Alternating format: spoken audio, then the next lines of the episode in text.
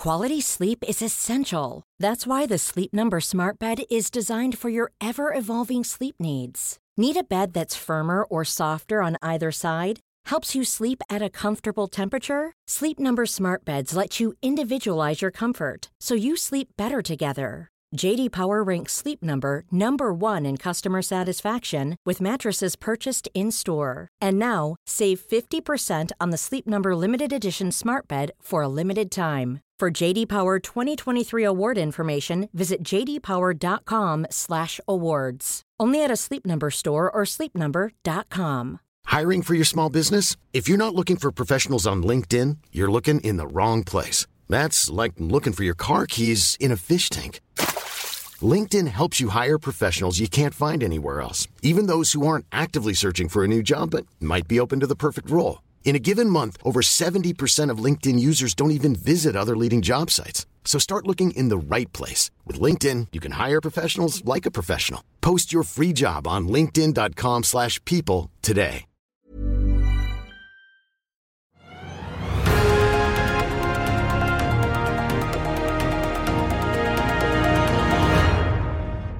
I 2007 var det mange av oss som lot oss imponere da Apple-gründer Steve Jobs på scenen under iPhone-lanseringen kunne tulleringe en Starbucks han hadde funnet på Google Maps for å bestille 4000 kaffelatter fra en dings med en stor skjerm han holdt i hånden.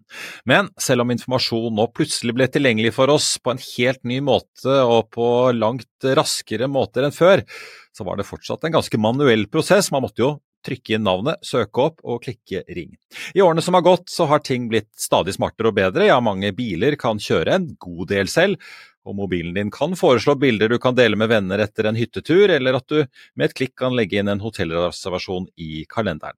Likevel er det et stykke igjen til dette er skikkelig smart, intelligent om du vil, ja, til vi bare kan lene oss tilbake i bilen, be den kjøre oss til Gardermoen og booke oss inn på første fly til Silicon Valley. Men dette endrer seg kanskje nå, er ChatGPT et symptom på at AI, kunstig intelligens, nå er midt inne i et gjennombrudd som faktisk vil endre livene våre, og gi oss noen av de opplevelsene vi frem til nå kun har sett på film. Velkommen til oss her i Finansavisen og til denne podkasten i Økonominyhetenes sommerserie, der vi snakker med ulike personer som på hver sin måte skal gi oss noe å tygge på i disse sommerukene. For å gjøre oss klokere på det brennhete temaet kunstig intelligens, har jeg vært så heldig å få med meg Inga Strumke, forfatter får vi si, og ikke minst også førsteamanuensis og forsker ved NTNU, og da selvfølgelig med oss på linje fra Trondheim, teknologibyen eh, selv, får vi si. Velkommen, Inga. Eh, kanskje vi skal begynne for de som ikke er så inne i materien, men har hørt mye om eh, studenter som bruker chat, eh, GPT til skoleoppgaver og mye annet, og kanskje noen bruker det til å svare kjærestene sine på SMS, som man kunne se i South Park for ikke så veldig lenge siden.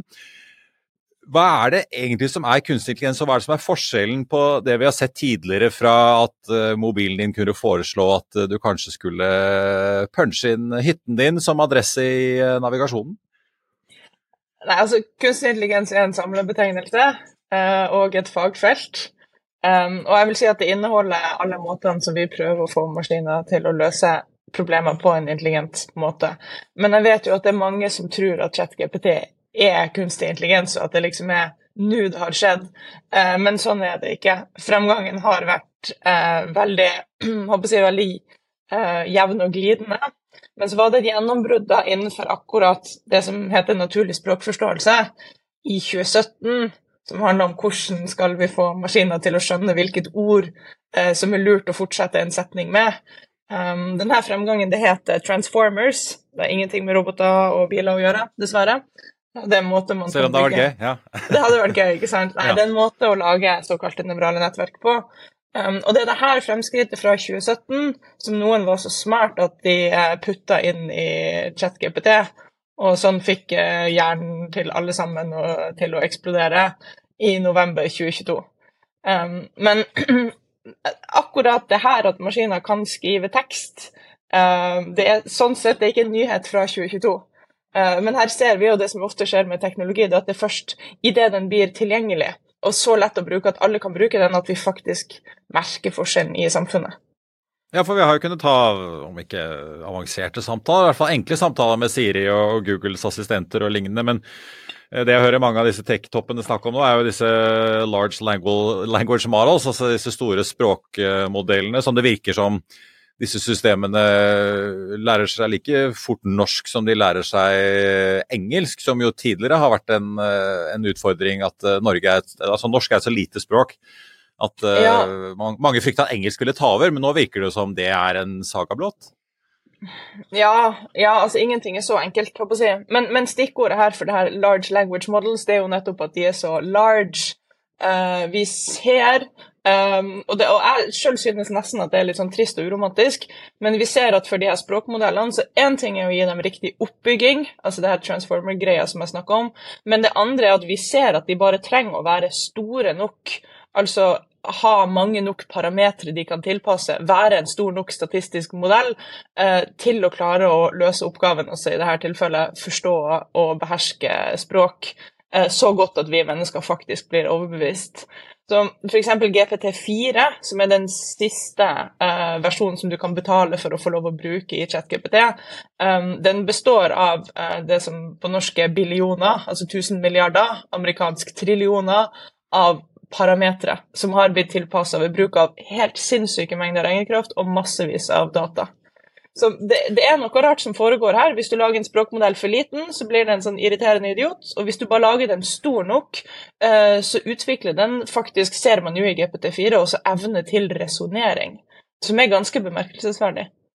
Ja, og det er vel uh, litt noe av det i det du sier, så ligger vel også forklaringen på hvorfor ikke det har vært eh, fritt frem fra dag én, og hvorfor jeg har i hvert fall sett Microsoft i sin Bing-app slipper inn folk litt i porsjoner. Det virker jo som det, det kreves en del ressurser og kraft og, og, mekanikk på bakrommet for å få dette til å funke. Så det er ikke like etablert og like gitt som, et, som vi tar et Google-søk, da. Nei, og her er det mye. Altså, når jeg snakker om um, at det koster mye regnekraft å lage de her språkmodellene, så snakker jeg om uh, treninga. Altså i det de lærer seg å beherske språk. Når en sånn modell er ferdig, uh, så koster det ikke like mye regnekraft på langt nær å kjøre den. Men f.eks. GPT er, den er så stor, altså uh, eh, 1000 millioner parametere. ikke sant? Den er så stor at den hadde ikke hatt plass for eksempel, på min laptop, bare å lagre den. Så ja, de er tunge å kjøre. Og så er det jo det at selv om du har en sånn stor språkmodell eh, som kan generere ord og setninger godt, eh, så betyr jo ikke det at du har en fungerende applikasjon som er trygg i bruk osv. Så, videre. så f.eks. ChatGPT er jo ramma inn i massevis av kode som sånn sett ikke handler om kunstig intelligens, men som bare handler om at den ikke skal fortelle sexistiske vitser, at den ikke skal lage molotov-cocktails osv. Så, videre. så um, ChatGPT eller OpenAI har klart noen ting i ChatGPT som f.eks. Microsoft ikke klarte med Bing. Fordi Bing var jo direkte manipulativ og destruktiv i, uh, i språket, i alle fall i starten. It's that time of the year. Your vacation is coming up. You can already. Feel the warm breeze, relax, and think about work. You really, really want it all to work out while you're away. Monday.com gives you and the team that peace of mind. When all work is on one platform and everyone's in sync, things just flow wherever you are. Tap the banner to go to Monday.com.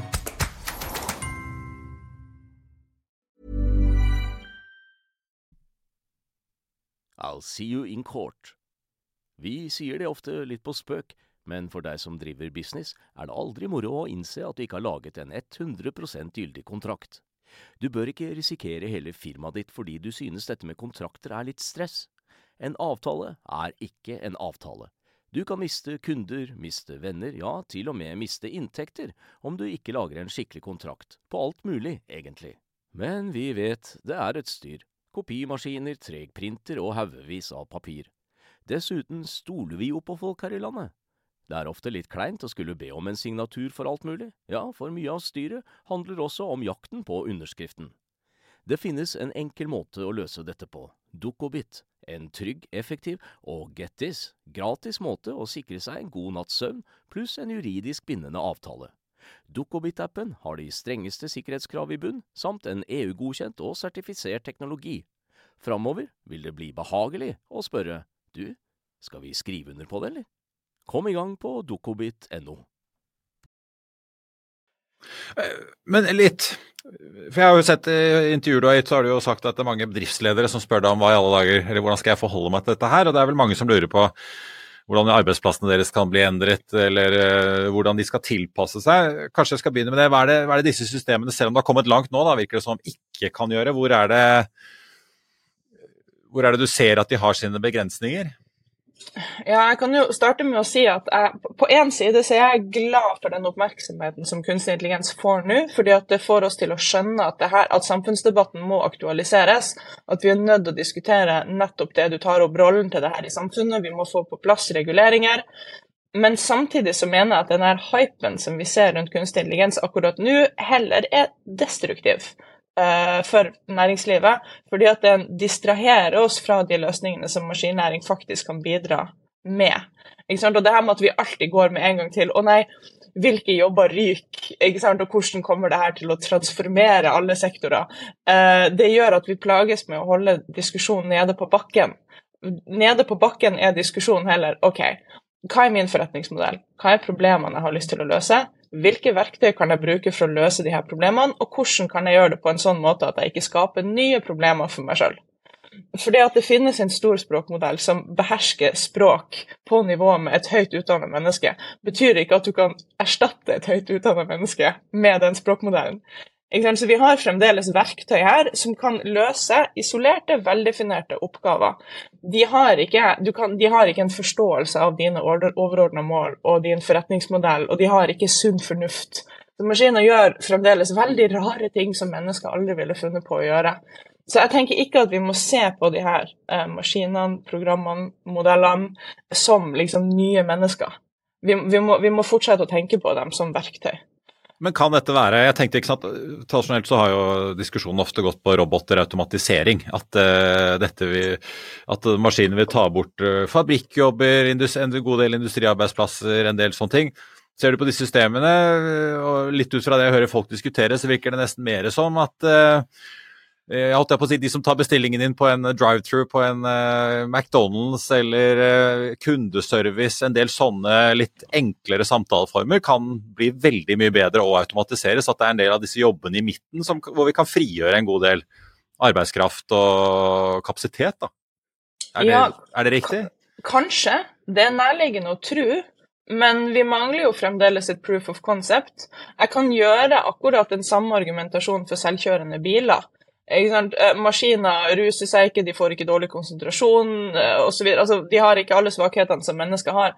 Men likevel så ser vi jo at det er ekstremt vanskelig å lage faktiske trygge systemer som skal navigere i trafikken, fordi at man trenger eh, ja, man, man, trenger det her common sense som vi mennesker har, som er vanskelig å putte i maskiner. Og man trenger å klare å forholde seg på en god måte til nye, uforutsette situasjoner. Og maskiner er ikke som mennesker. Og vi har sett opp igjennom um, AI-utviklingshistorien um, en sånn artig, frustrerende liten ting som, uh, som, har blitt oppkalt etter en forsker som heter Hans Moravec.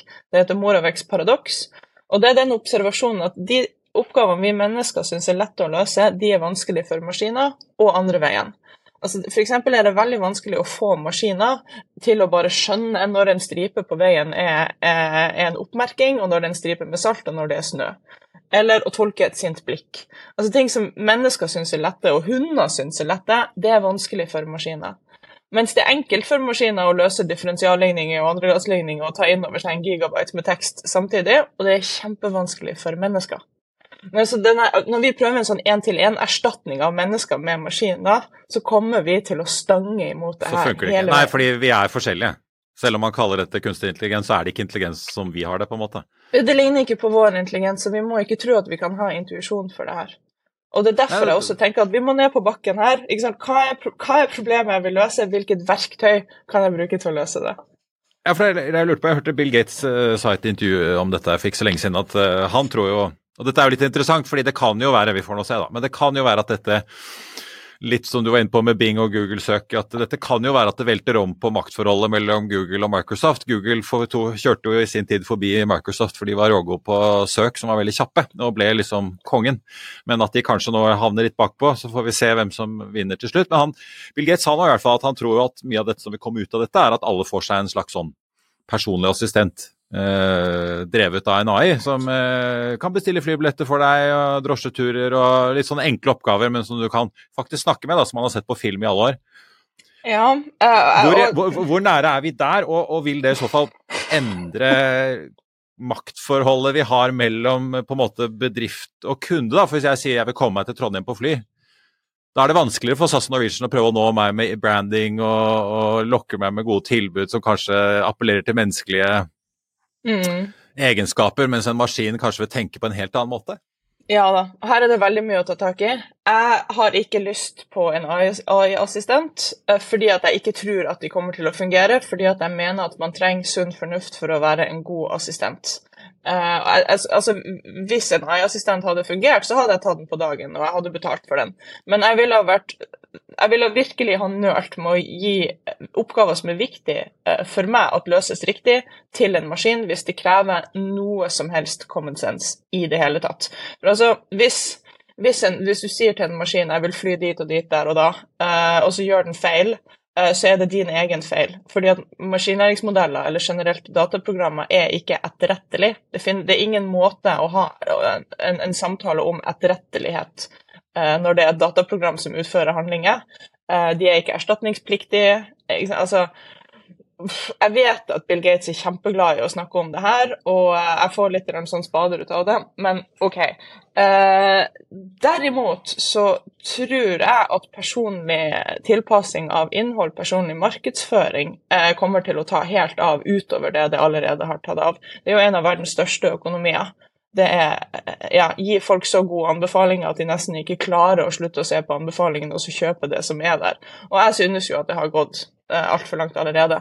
Men det forteller oss jo at hvis vi har lyst å gamifye ting og påvirke folk sin atferd, da er det maskinlæring vi burde bruke. Nettopp fordi at maskinlæring kan bruke massevis av atferdsdata som ingen enkeltperson kunne forholdt seg til eller tatt inn over seg, til å gi folk relevante anbefalinger. Så, er, altså det du sier at dette bruksområdene for dette vil i første omgang kanskje ligge mer i nettopp da systemer vi som forbrukere eller privatpersoner ikke nødvendigvis ser så ofte selv. da, altså I markedsføringssystemer, i analyseverktøy til store bedrifter. Ikke ja. nødvendigvis at vi går rundt med en Siri eller et eller annet på mobilen som er nyttig, som vi faktisk kan bruke. Nettopp. Eh, jeg f.eks. betaler jo for eh, den siste versjonen av ChatGPT. Jeg synes GPT4 er fantastisk uh, nyttig og også interessant å, å si, konversere med, men det er jo fordi at jeg kjenner den sine begrensninger, og jeg oppsøker den i veldig isolerte situasjoner. Jeg har lyst til å lese om en ny forfatter eller en filosof eller et eller annet som jeg ikke hadde fått med meg, og da kan jeg få et godt sammendrag av GPT4. Men det betyr ikke at GPT4 kan gi meg gode anbefalinger som er relevant for mitt liv. Så jeg tenker at vi fremdeles ser på smale, isolerte bruksområder der man vet hva man kan forvente av systemet. Ja, så det, hvis du hadde vært Vy eller Telenor, da, så hadde du kanskje turt å slippe dette systemet litt mer til i, i den inngangssorteringen som man ofte får hvis man ringer kundeservice, hvor du får noen spørsmål av en maskin om uh, hva er problemet ditt. Men du ville kanskje ikke sagt opp halve staben på kundeservice uh, og latt robotene ta over hele samtalen?